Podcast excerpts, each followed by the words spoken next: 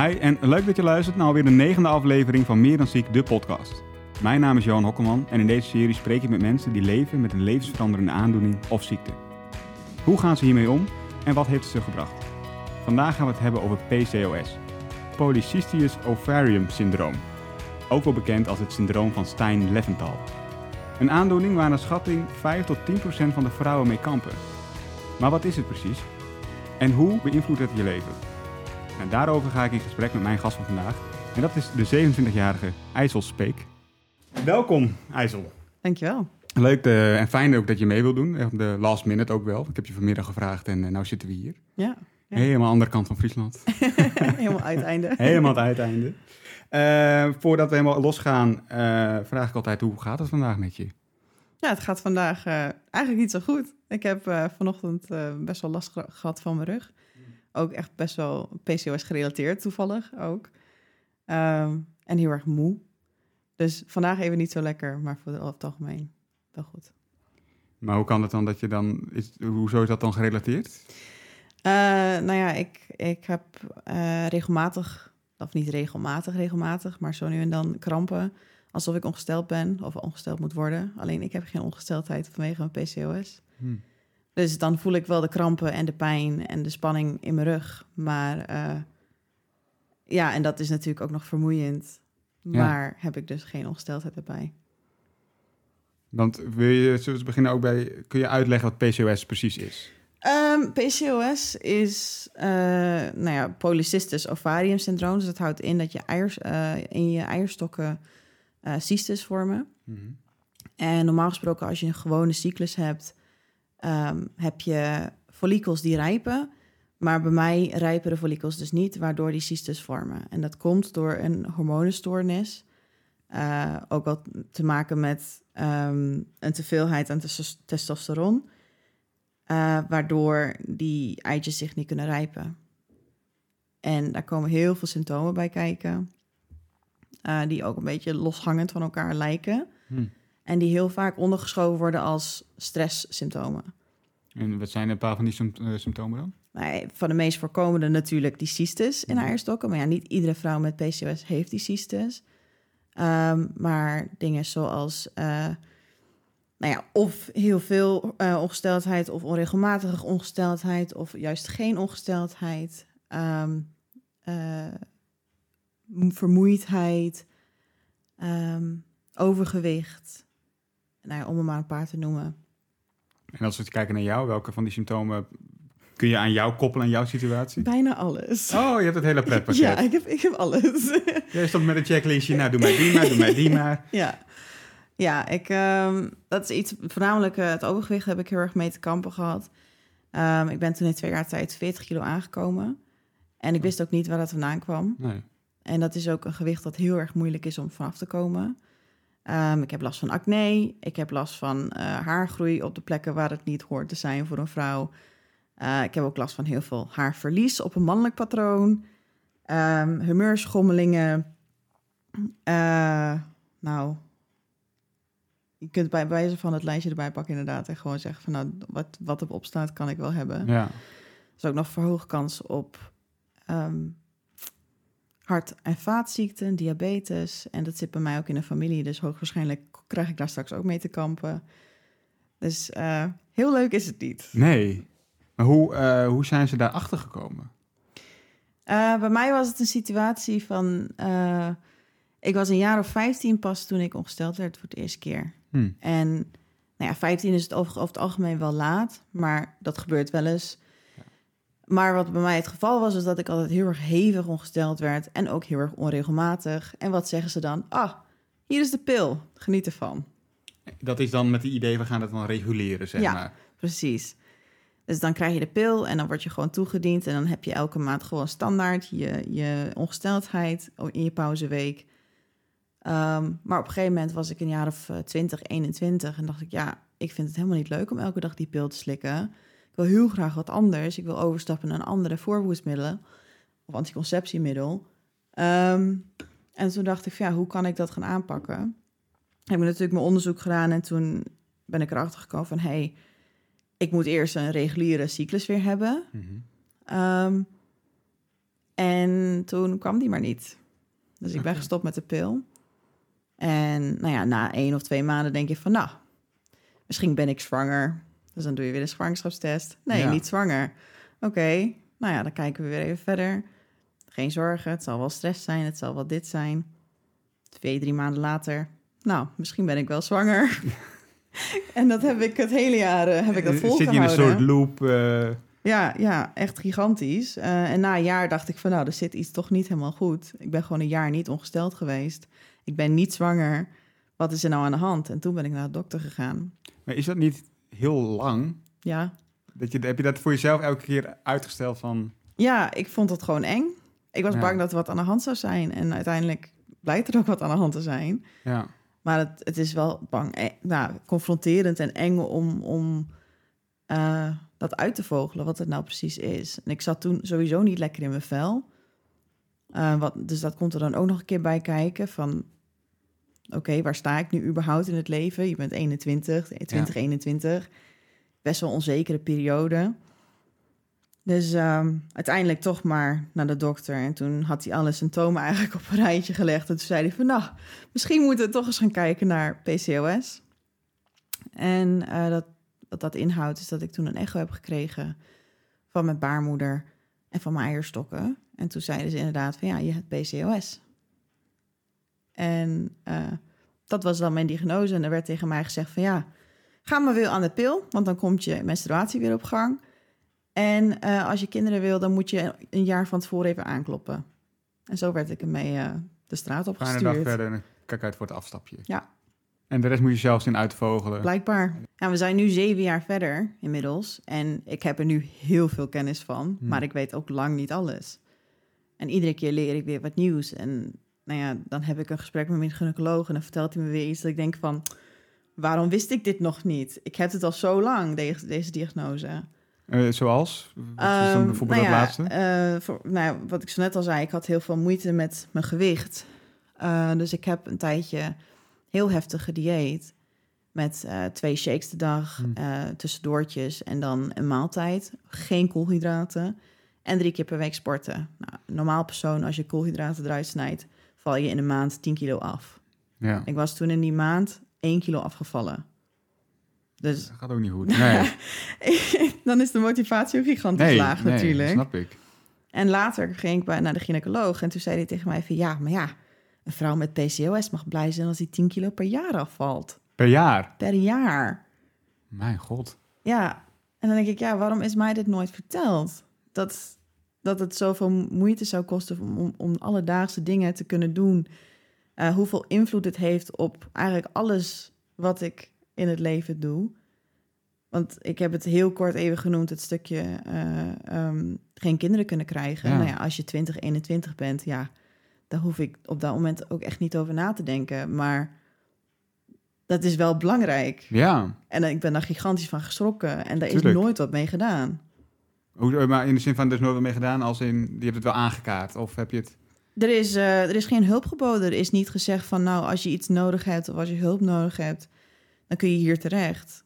Alleen het enige wat gezegd is van, hey, wil je kinderen? Klop dan even een jaar van tevoren aan, Ja. want dan kunnen we er naar kijken. Jeetje. Ja. Ik las ook ehm, dat er vier hoofdtypes zijn. Mhm. Tenminste, te verdelen in vier hoofdtypes. Ehm, ik noem het even op hoor. Dan, eh, type 1 is dat je te veel mannelijke hormonen in het bloed hebt. Mhm. Dan heb je geen of weinig eisprong. Type 2 is weinig eisprongen met veel eiblaasjes. Dat zijn dan die kiestes, Ja. die eiblaasjes. Type 3 is te veel mannelijke hormonen in het bloed, maar geen of weinig eisprongen. En type 4 te veel mannelijke hormonen in het bloed, veel eiblaasjes en stokken te zien op de echo. Welk type val jij onder? Of val jij onder, maar is dat, Ja. kun je, of is het een combinatie van misschien? Ik, eh, ik heb eh, te veel mannelijke hormonen Ja. en cystes. Dus Kijk even op het lijstje. Volgens mij was het één. Dan ben je daar, op de eerste categorie. maar die, die, die types, er is voor geen enkele type een, een behandeling voor. Dus nou, je hebt Nee. te veel mannelijke hormonen in het bloed. Nou, we geven bijvoorbeeld vrouwelijke hormonen. Eh, Nee, nee. Er zijn wel. Kijk, er wordt heel weinig eigenlijk mee gedaan met, met deze, dit soort dingen, met, met hormonen. eh, omdat het gewoon heel moeilijk is en dat het voor iedere vrouw ook weer anders is. En dat het ook te maken heeft met allerlei factoren in je leven. Hoe je eet, hoe je leeft. Ehm, en er zijn wel bepaalde vrouwen die ik dan ook wel volg op social media, die dan bepaalde vitamines of, uh, ja, hoe noem je dat? Extra, zeg maar, ik weet niet hoe je dat noemt. Um, Voedingssupplementen? Ja, supplementen gebruiken. en dat ze daardoor wel hun hormonen wat beter op spiegel kunnen houden om toch wel uiteindelijk een menstruatie te hebben of om kinderen te krijgen. Ja. Maar dat dat voor één persoon werkt, wil niet zeggen dat het voor iedereen werkt. Er is gewoon niet genoeg onderzoek naar gedaan om te bewijzen dat het ook daadwerkelijk werkt. Want voor hetzelfde gehad is het placebo, omdat ze denken dat het werkt. Dus het dat is een soort mindset-idee, ja. Ja, dus er is gewoon geen bewijs dat het daadwerkelijk ook effect heeft. Nee. Wij uh, doen deze podcast aan de hand van categorieën. Um, zullen we de eerste categorie erbij pakken? Nou, de eerste categorie is dagelijks leven. En je zei net al dat je in het dagelijks leven heel veel uh, mee te kamp hebt gehad. Ja. Zou je ze wat voorbeelden kunnen noemen waar dat dan wanneer je daar heel erg denkt, ja, dit, als ik geen PCOS had, had ik dit misschien helemaal niet meegemaakt. Ja, um, nou ja, kom ik toch wel weer terug even op het gewicht. Hmm. Um, dat is natuurlijk iets, vooral op zo'n jonge leeftijd, waar je heel veel moeite mee hebt.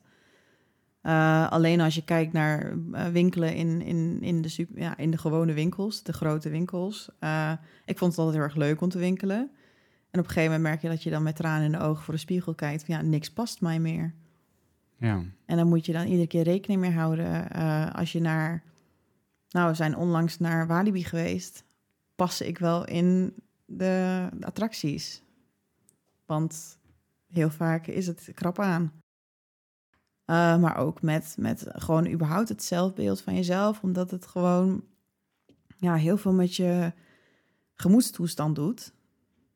Uh, de ene dag vind ik mezelf heel erg leuk en kan ik heel goed met mezelf. Maar de andere dag vind ik mezelf echt gewoon een heks. En kijk in de spiegel en denk ik, ja, waarom, waarom houden mensen van mij? En dat is best heel heftig. Uh, het, is, het is niet alleen het uiterlijk, maar gewoon dat je, dat je eigenlijk niet meer inziet wie jij bent en waarom mensen van jou houden of om jou geven of om met, jou om zouden willen gaan. En dat je uh, nou ja, dingen niet gegund wordt. Of niet verdient. En daarin heb ik persoonlijk wel heel veel last van. En dat is ook wel iets waar ik mee werk. Ik ben onder behandeling van een psycholoog. En ik ben eerst in behandeling geweest bij een medische psycholoog, ook specifiek PCOS in mijn sociale leven. Um, en nu ga ik straks over naar een andere groep, uh, uh, ander soort psychologie. En dat is natuurlijk een kort, korte behandeling bij de medische psycholoog. Maar uh, ja, voornamelijk gewoon met, met het psychisch aspect uh, is, is heel moeilijk om te gaan. Ja, het lijkt me inderdaad ook niet niks als je in twee jaar tijd 40 kilo aankomt. Dat, ja. Zonder dat je het ook maar wil. Hè. Ja. Niet, als je zegt, nou, ik lig de hele dag op de bank en ik, ik eet alleen maar een stuk door, is het heel anders dan dat het je overkomt. Ja, ja het is ook er is niks anders gebeurd. Ik leefde mijn leven zoals ik dat altijd al deed. Alleen zat ik voorheen aan de pil en toen ben ik ermee gestopt.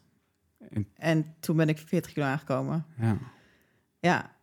Um, maar dat, daarbij komen natuurlijk ook allemaal gezondheidskwaaltjes waar je te mee te maken hebt. Uh, Gaat hand in hand natuurlijk. Ja, ik heb sinds kort uh, gediagnosticeerd met, met slaapapneu. En de, de oplossing daarvoor is afvallen ja, met PCOS, wat, is dat niet echt een oplossing. Het is wel, het is heus wat te doen, maar dat kost wel extra veel moeite. En, ik heb ooit een keer een personal trainer gesproken en die zei tegen mij van ja, afvallen met PCOS is alsof je een spelletje op expert mode speel, speelt. denk, ja, nou, daar heb ik heel veel ja, ja, aan, dankjewel. ja. En dat wil niet zeggen dat alle vrouwen met PCOS ook overgewicht hebben. Dat is gewoon een van de vele symptomen. Maar het is wel eentje waar ik flink mee te kamp heb gehad. En vooral ook in het dagelijks leven van tegenwoordig. Hè? Je mag niet dik zijn. En er wordt nu veel meer wel body positivity en zo. Maar ja, eigenlijk onderliggende gedachte is van... nou, als je slank bent, ben je mooier. En, en als je dan in de supermarkt staat en je staat toevallig bij, bij, bij de chips... of bij de, dat je dan Ja, gevoel misschien hebt van, ja, mensen kijken naar mij. Dat Ja. is ook wat je veel hoort nu. ja. Of als je wel in de sportschool staat, dat, dat je dan wordt aangekeken van ja, wat doe jij hier? Hoort hier niet. Terwijl je juist wel aan jezelf wil werken. Dat is eigenlijk heel tegenstrijdig, Ja. maar dat is wel wat gebeurt en dat is wel hoe je je voelt. Hormoontechnisch gezien, dan is dat weer wat je net ook zei. De ene dag vind je jezelf geweldig en de andere dag, een dag kun je Ja. bijna zelf niet aankijken in de spiegel. Ja, ja, dat is echt. Dat is ook heel vreemd eh, om mee te maken. Ehm, ik kan het ook niet omschrijven. Er is geen, ook geen andere manier waarop ik het kan zeggen dan, dan dat ik gewoon letterlijk soms een dag er niet wil zijn. En wat doe je dan op zo'n dag? Dan zet ik mijn lach op en ga ik gewoon door. Maar dat is niet makkelijk. Nee. Eh, want ik ben altijd wel aangeleerd om gewoon mijn ding te doen en gewoon door, vrolijk door het leven te gaan. Maar het is echt niet makkelijk als je, als je zo'n dag hebt. En het zijn ook de kleine dingetjes dat mensen grapjes maken over, nou, bijvoorbeeld kinderen krijgen. Van, oh, wanneer begin jij een keer aan kinderen? Ja, nou, kon ik dat maar zeggen. Dat weet ik niet. Of dat Nee. gaat lukken, of ik dat kan, of, of ik dat überhaupt moet willen. Het is een heftig aspect. En nou ja, dat, dat komt ook natuurlijk terug in, in een relatie of wat dan ook. Je moet vrijwel aan het begin eigenlijk al aankaarten als je met iemand begint. Van hé, hey, ik heb wel PCOS. Ja. Dus het kan best wezen dat ik als, ik, als dit serieus wordt en we willen laten kinderen, eh, dat dat heel moeilijk gaat. Dat dat misschien niet gaat. En eh, dat als ik dat wel gaat, dat ik waarschijnlijk hormonen toegediend moet krijgen. Dus dat ik echt een hele leuke vrouw word. Wil je, nog, wil je nog een toetje of niet? Dat dat de eerste date gaat worden. Ja, Ja, precies. Nou ja, natuurlijk. eh, Ik heb, het net je, ik heb, ja, ik heb, ik heb net je vriend ontmoet. Ja. Hoe, hoe, wil je vertellen hoe dat een beetje ging? Hoe vertel je inderdaad zoiets? Ehm, ik heb geleerd voor mezelf, en dat is ook een soort eh, coping mechanism en afbakening en die muur omhoog trekken, om gewoon alles eruit te gooien. Want ik heb gemerkt dat als ik voor mezelf alles bij me hou en ik, ik ga dan te ver met iemand en dan moet ik nog alles vertellen, ja, dan ben je die, diegene vaak toch al kwijt. Ja. En als ik gelijk al zeg van nou zo en zo is het, ik wil wel graag wat serieus, maar eh, weet wel dat dit allemaal erachter ligt. En diegene blijft dan, dan weet je dat je een goede te Ja. hebt. Dus het is ook een soort keuringsdienst van hey, kun jij dit aan? Denk jij dit aan te kunnen? Want het is niet alleen, ik kan geen kinderen krijgen, maar het is ook Alles daaromheen. het is ook, ik, ik lig ook wel eens te creperen van de pijn op de grond. Niet schrikken. Eh, het is ook, ehm, ik heb ook wel eens een dag dat ik mezelf letterlijk niet wil zijn. Ik heb ook wel eens eh, dat ik eh, een dag heel erg kut tegen jou ga zijn. Want ik heb hormoonschommelingen of humeurschommelingen. Het is ook echt niet makkelijk. En hij heeft ook aangegeven aan het begin al. het duurde, hij zei ook letterlijk, het duurde mij heel erg lang om jou daadwerkelijk ook te vragen. Want ik moest er gewoon heel goed over nadenken. Of ik dit wel wou. En toen hij dat zei, wat dacht je toen? Nou ja, terecht.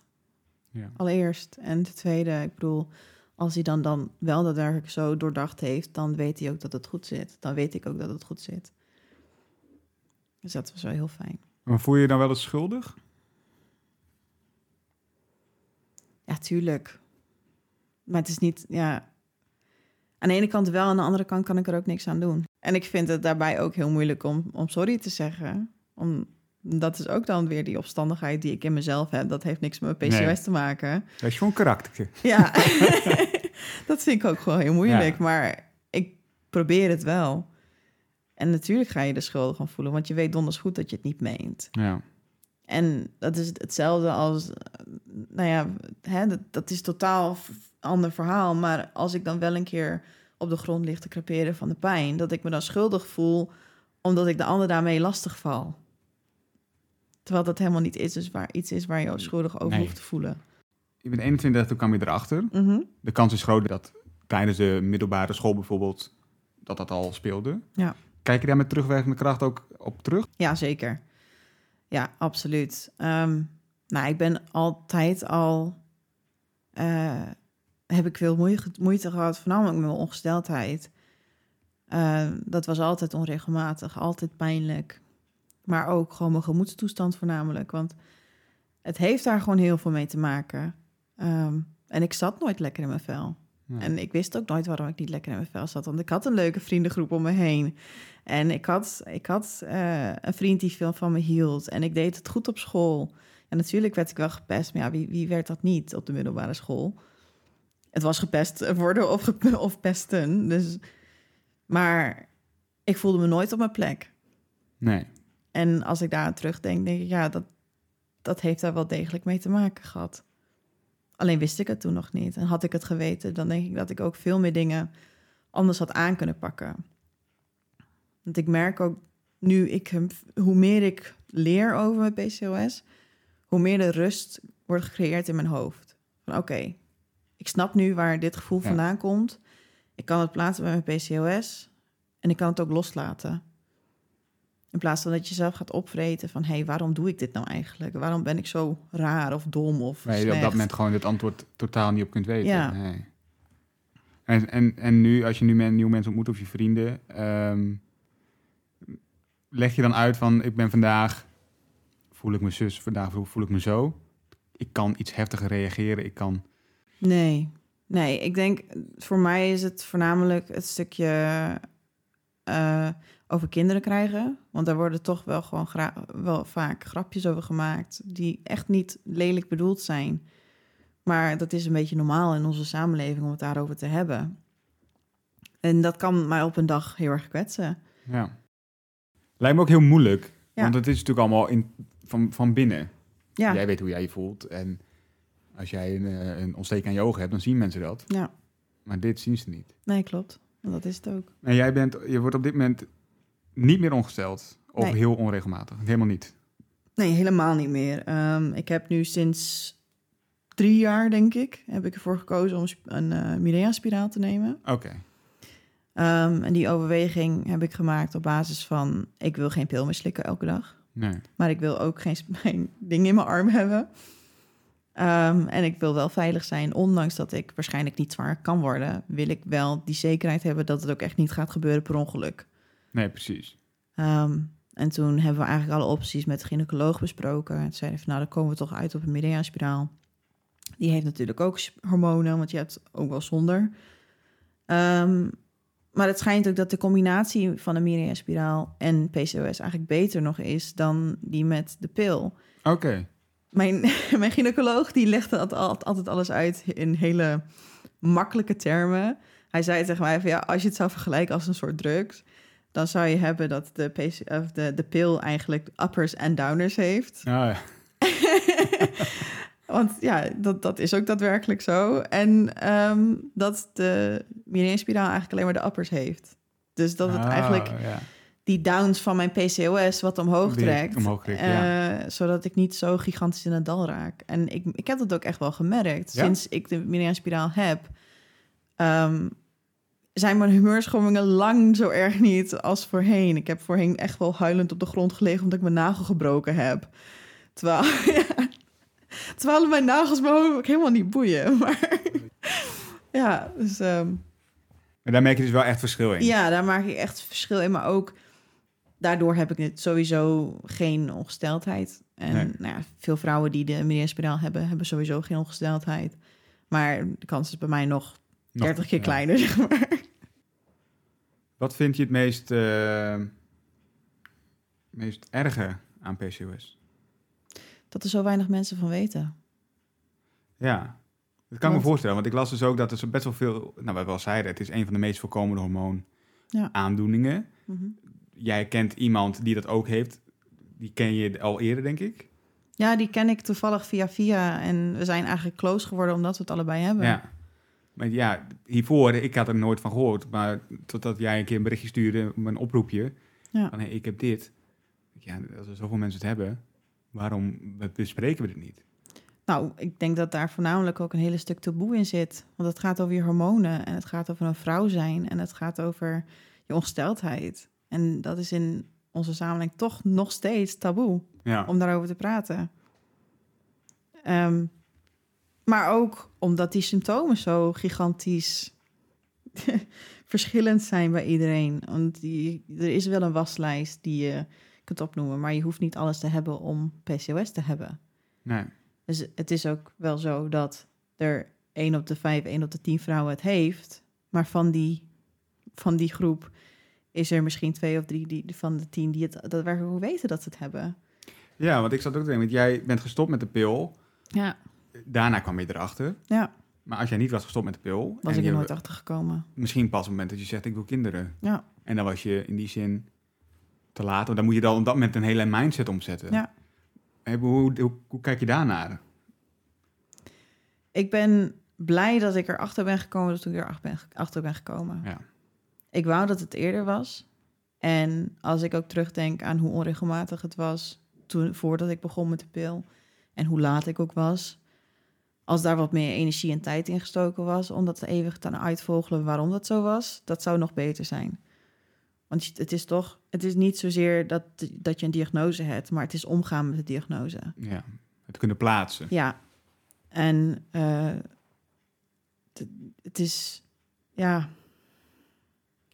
het is heel moeilijk geweest voor mij om, toen ik 21 was, om te beseffen van, ik kan misschien later geen kinderen krijgen. En dat is misschien iets waar ik op dat moment niet mee bezig was, absoluut niet. Nee. Maar dat gaf zo'n grote impact op mij dat ik huilend naar huis ben gegaan. Ik heb een half uur huilend in een auto gezeten. Want ik wou altijd al kinderen. En als je dan verteld wordt van ja, weet je, misschien wordt het er niet voor jou. Dat, dat, dat is dat alsof mijn hele wereld op dat moment instortte. Dat was echt heel apart. Het is natuurlijk ook iets wat voor, door veel mensen als heel gewoon wordt gezien. Op een gegeven moment nemen we, of krijgen we een kind of nemen we Ja. een kind. Maar dat is het natuurlijk helemaal niet. Nee. En hoe ga je daar nu mee om? Zeven jaar later. Ehm, nou, wat ik zei, ik heb heel veel geleerd erover en eh, ik ben me er ook veel meer bewust van. En ik hou ook steeds meer de, de vinger aan de pols. Want voorheen dacht ik van, nou, het komt wel goed. En dat zie ik wel als het zover is. Maar nu trek ik ook wat eerder aan de bel bij mijn dokter, bij mijn gynaecoloog. Van, hey, hoe staat het er nou voor?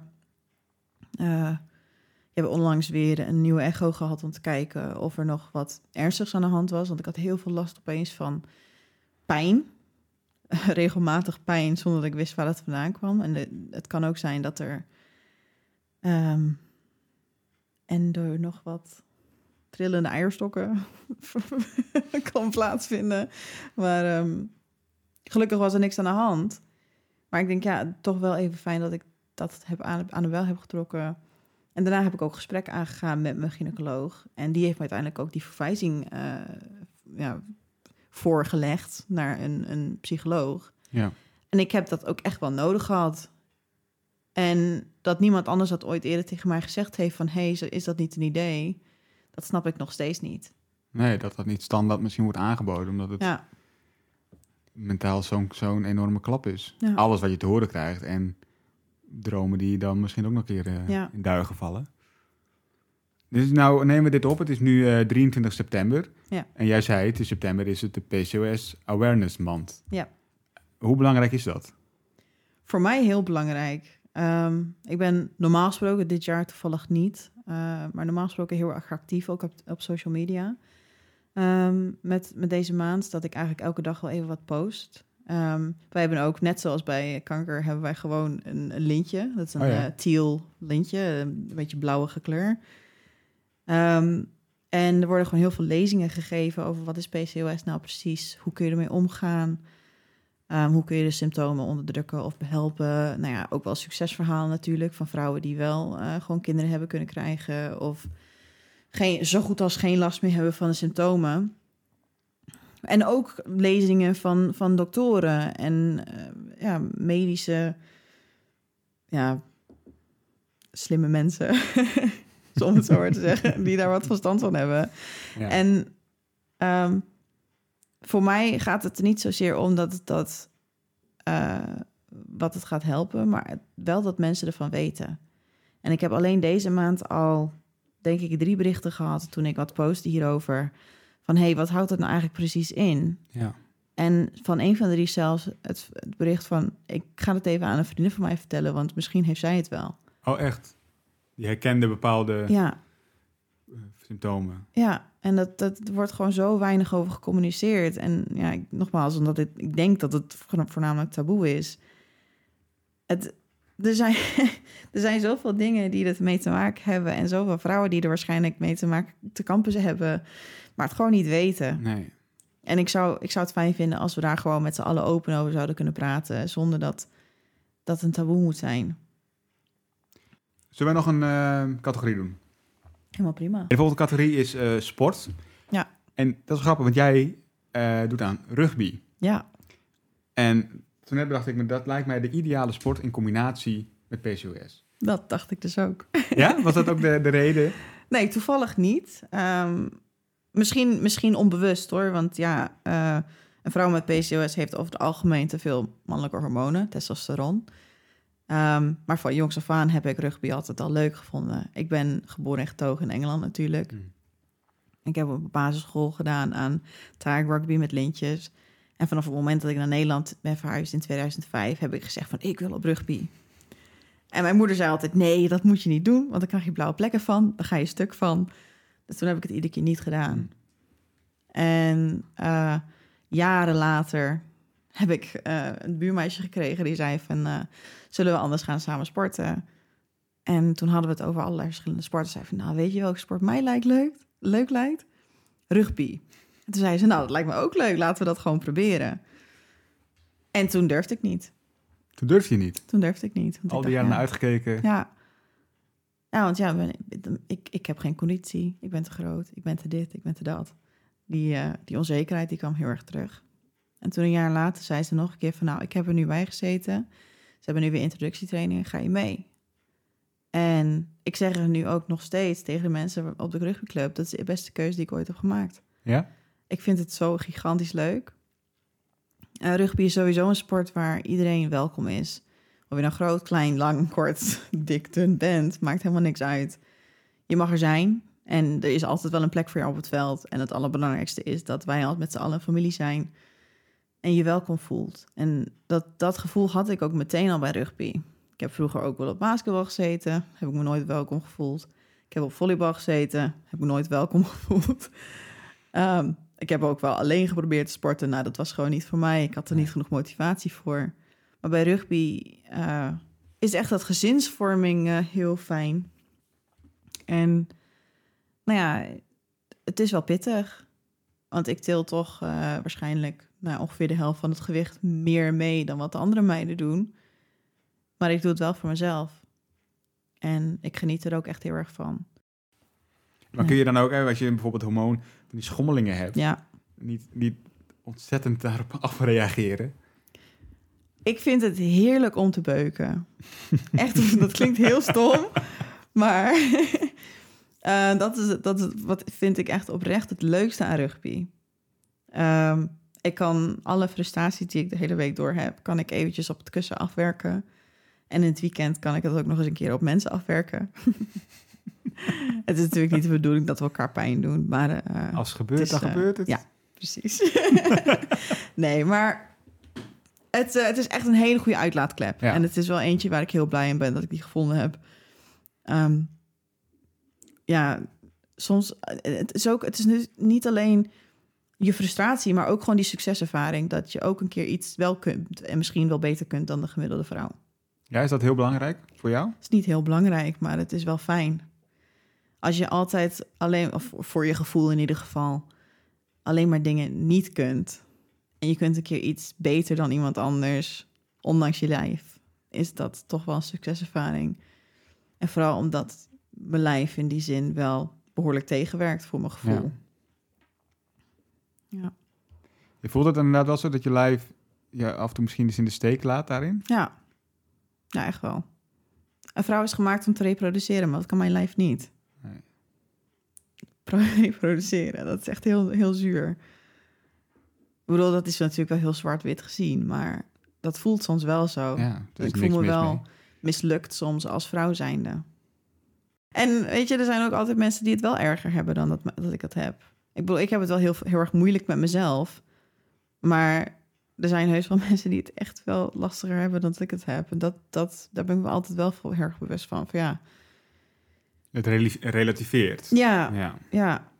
Ik probeer dat wel altijd om een beetje nuchter erin te blijven staan. En dat, dat is ook waarom ik er graag over praat met anderen. Dat ik mensen bewust wil maken dat er meer is dan alleen wat er aan de oppervlakte, li- op, oppervlakte ligt. Ja. En bij mij is het dan dit, maar bij de ander, nou ja, daar gaat je hele podcast natuurlijk over.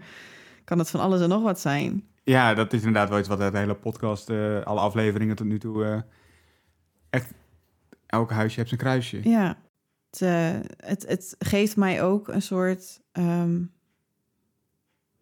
begrip ook meer voor anderen. Want ik weet dat ik iets heb. En ik weet ook dat andere mensen dit niet kunnen zien. Dus ik heb ook veel meer begrip voor een ander wanneer die zich bijvoorbeeld niet meteen een dag heel fijn voelt of zo. Ik denk, ja, ik weet niet wat er speelt.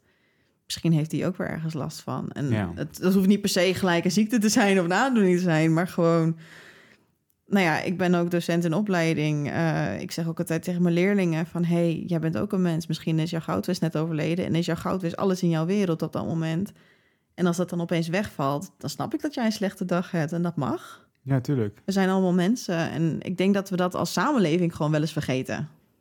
Ja, dat ben ik helemaal met je eens. We moeten allemaal eh, de 100% Ja. geven. En Dat, dat kan niet. Ja, en ja, dat, dat, ik ben wel blij dat, dat ik daarin best wel gehandeld ben. Nou, hè, het kan altijd erger. Ja, Het kan ook altijd beter, absoluut. zeker.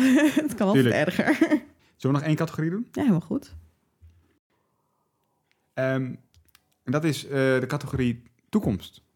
Ja, toekomst. Heb jij op dit moment een kinderwens?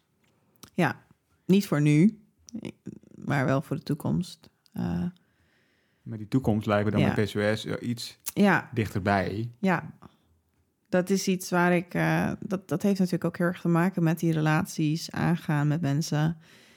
Ehm, als je normaal, vitaal, gezond bent eh, en je wilt kinderen krijgen, kan het je ook al 1, 2, 3 jaar duren voordat je daadwerkelijk ook zwanger wordt. En voor, voor mijn gevoel, ja, dan is het voor iemand met PCOS vaak, nou, doe maar het dubbele ongeveer. Dus 4, 5, 6 jaar dat je mee bezig bent. Want je, al in mijn situatie in ieder geval, dat ik geen eiersprong heb, moet die worden verwekt met hormonen. En dat is een proces wat ook gewoon wat tijd duurt. Ja, Ehm, en dan wil je natuurlijk ook niet dat je net een relatie met iemand aangaat en dan zegt van nou, hè, laten we ook met kinderen beginnen. voel geen druk, maar we moeten wel even gaan starten. Ja. Ja, Dus ik bedoel, ik, ik en mijn partner zijn nu ook net, nou ja, heel kort, maar bij elkaar. En dat is wel iets waar ik nu alvast over moet nadenken. En ik zeg ook altijd tegen vrienden van, nou, voor mijn gevoel moet ik al bijna tien jaar vooruit kijken. Want hè, ik wil eerst een tijdje met iemand zijn voordat ik aan kinderen ga denken. Ik wil weten wie diegene is. Ik wil, ik wil graag een gezin met iemand. Ik wil niet een kind om het hebben van een kind. Ik wil graag een gezin. Ik wil gewoon dat, die, dat dat kind ook een vader en een moeder heeft. Of een moeder en een moeder. Wat het ook mag zijn. Eh, maar wel dat, dat, dat die gewoon een netwerk om zich heen heeft. En ja, dat kun je niet opbouwen met iemand die je net een jaar of twee jaar kent. Nee. Dus dan zit je al 1, 2, 3 jaar verder. Dan moet je nog eens nagaan, oké, ook als straks gezond zijn, dan zit ik ook al zes jaar verder. Eh, en dan ben ik ook nog een keer PCOS. Nou, nou, die vier jaartjes, zeg maar, pak een beet. Ja. Dan zit ik tien jaar. Ik ben nu 27. Als ik om- voor mijn veertigste kinderen wil hebben, moet ik daar toch al wel binnenkort over na gaan denken. ja die- precies. En dat is, eh, dat is natuurlijk voor heel veel, vooral jongens van mijn leeftijd, best wel een heftig idee. Om dan nu al te moeten gaan nadenken over kinderen hebben. En in die zin, Ja, nou ja, er is natuurlijk een verschil in over nadenken en daadwerkelijk stappen ondernemen. ja, Dat, dat laatste is natuurlijk wel de, Ja. de, de grootste drempel, denk ik. ja, dat zeker. En dat is, dat is ook waarom ik heel blij ben met mijn huidige partner. Dat hij heeft gezegd heeft van, nou, ik heb er echt heel goed over nagedacht voordat ik met jou wat ben aangegaan. Want het is gewoon wel belangrijk om het daarover te hebben. Maar ja, het, het, het jaagt natuurlijk ook een gigantisch groot stuk weg. Als je het hier over, over dit soort dingen hebt. Van nou, nou, we hebben net onze eerste date gehad. Het was hartstikke leuk. Maar ehm, eh, wil je ook kinderen? Ja, nee, precies. ja, je moet het zo snel... eh, Ja, dat is eh, best heel heftig. Maar ook met, met de andere dingen. Ehm, ik, ik zou liever ook gewoon gezond door het leven gaan. Maar Tuurlijk. hoe pak je dat aan? En dat, dat, dat is echt heel moeilijk. En dan helemaal als je er alleen voor staat. Dat je niemand om je heen hebt die jou even kan vertellen of even bij de hand kan pakken van nou, we gaan samen naar kijken, we gaan het oplossen. Of we gaan in ieder geval proberen om het op te lossen. Daarin het, het alleen voelen erin. Ja. Ja, want het is wel iets waar je echt wel steun bij nodig hebt. Want omdat het zo mentaal is, ehm, red je het niet alleen. Want je gaat jezelf alleen maar op een gegeven moment in een, in een dal praten. En dat is niet goed. Kun je je voorstellen als mensen er geen begrip voor hebben?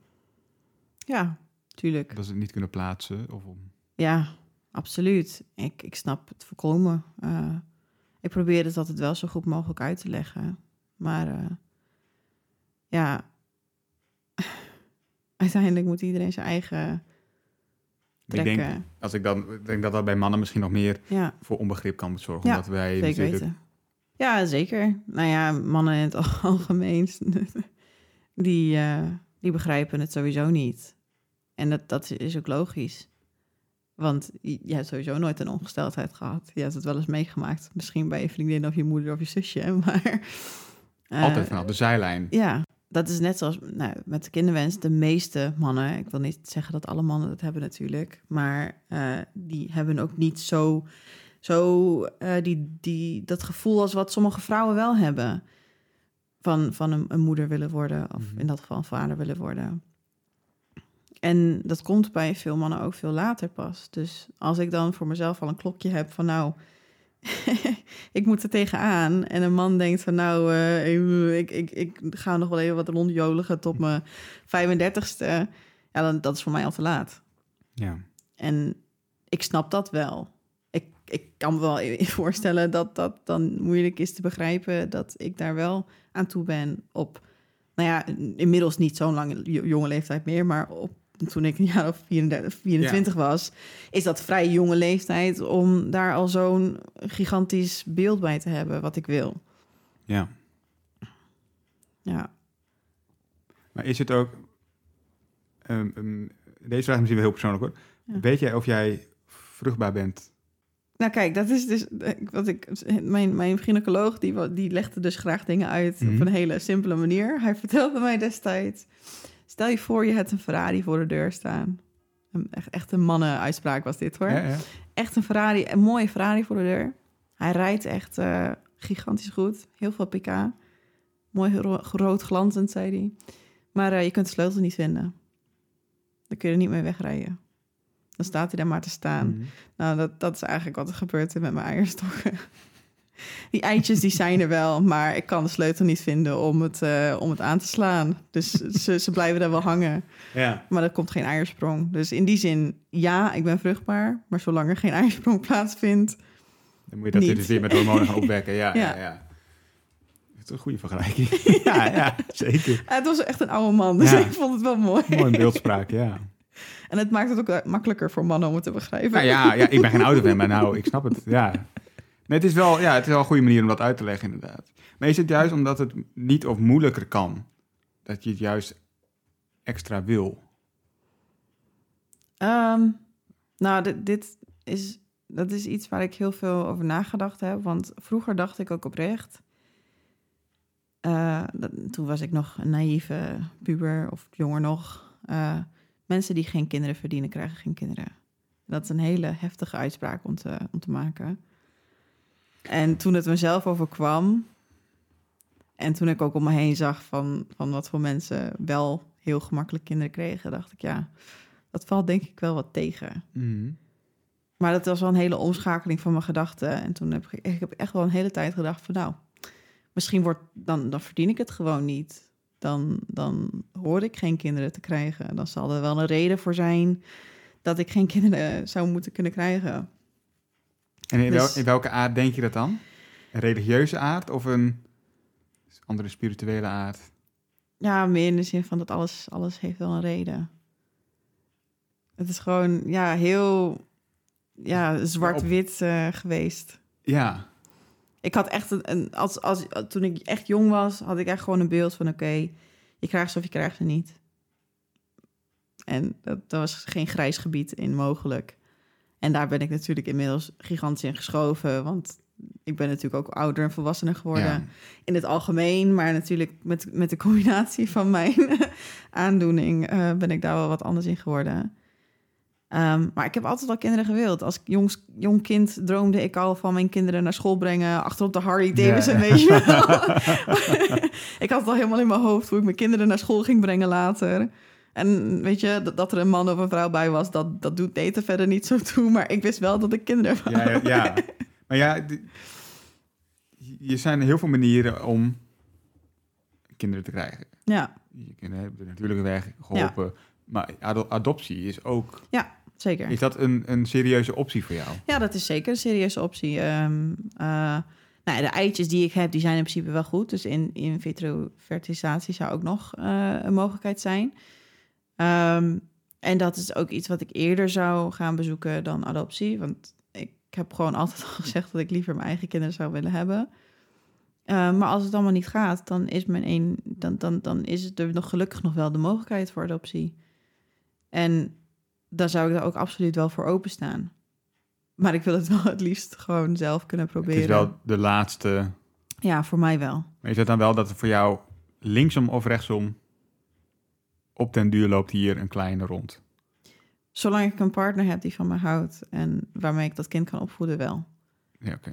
Want dat is wel voor mij een voorwaarde. Ja. Eh, ik wil niet, je kunt natuurlijk niet in de toekomst kijken, maar eh, het is niet mijn. Het, het zal niet zo zijn dat ik als single moeder eh, zeg van ik wil gewoon een kind om het hebben van een kind. Nee, het gaat niet om het kind, het gaat om ik het... wil echt een gezin. Ja. Door de PCOS heb je ook een verhoogde kans op klas baarmoeder, baarmoederkanker. Ja. Nee, ze zelf diabetes. Ja. Maakt dat je niet bang? Ja en nee. Want ehm, ik denk dat als je met angst leeft, dat je dan ook niet echt geniet van het leven. En dat is ook eh, waar ik heel erg mee ben leren omgaan van, nou ja, weet je, dit ben ik zoals ik nu ben. En ik kan er niet zo heel veel aan doen. En als het dan zo is, dan we'll cross that bridge when we get there. We zien wel hoe dingen gaan lopen. Eh, ehm, als het gebeurt, kan ik het toch niet tegenhouden. En er zullen vast dingen zijn die ik anders zou kunnen aanpakken of beter zou kunnen doen om te voorkomen dat het gebeurt. Maar eh, dat zou me dusdanig veel energie kosten dat ik dan niet kan genieten van wie ik nu ben. En ik ben nu nog jong Ja. en ik mag nu nog gekke dingen doen. En ik zou het zonde vinden om dat kwijt te raken. Ja. Maar het is wel eng ja. de gedachte. Eh, het, het zonde als het gebeurt. Maar eh, ik, ik wil nog wel kunnen genieten van waar ik nu sta. ja. Vind ik heel belangrijk. Ehm, ja, tot slot, wat wil jij, eh, wat wil jij de mensen meegeven? Ehm, ik denk voornamelijk dat eh, iedereen zijn eigen weg heeft. En dat uiteindelijk iedereen er wel komt. Eh, maar dat je ook rekening met elkaar moet houden. Want je kunt niet altijd zien wat er bij iemand speelt. Of dat nou een aandoening is, of een depressie, of een thuissituatie.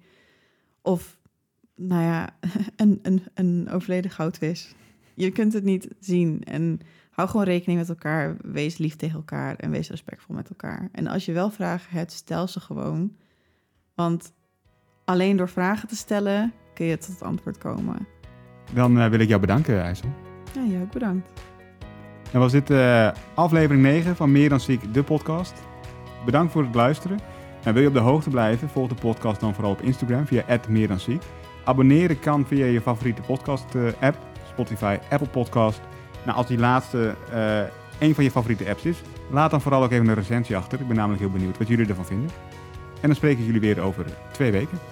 Doeg! Doei. doei.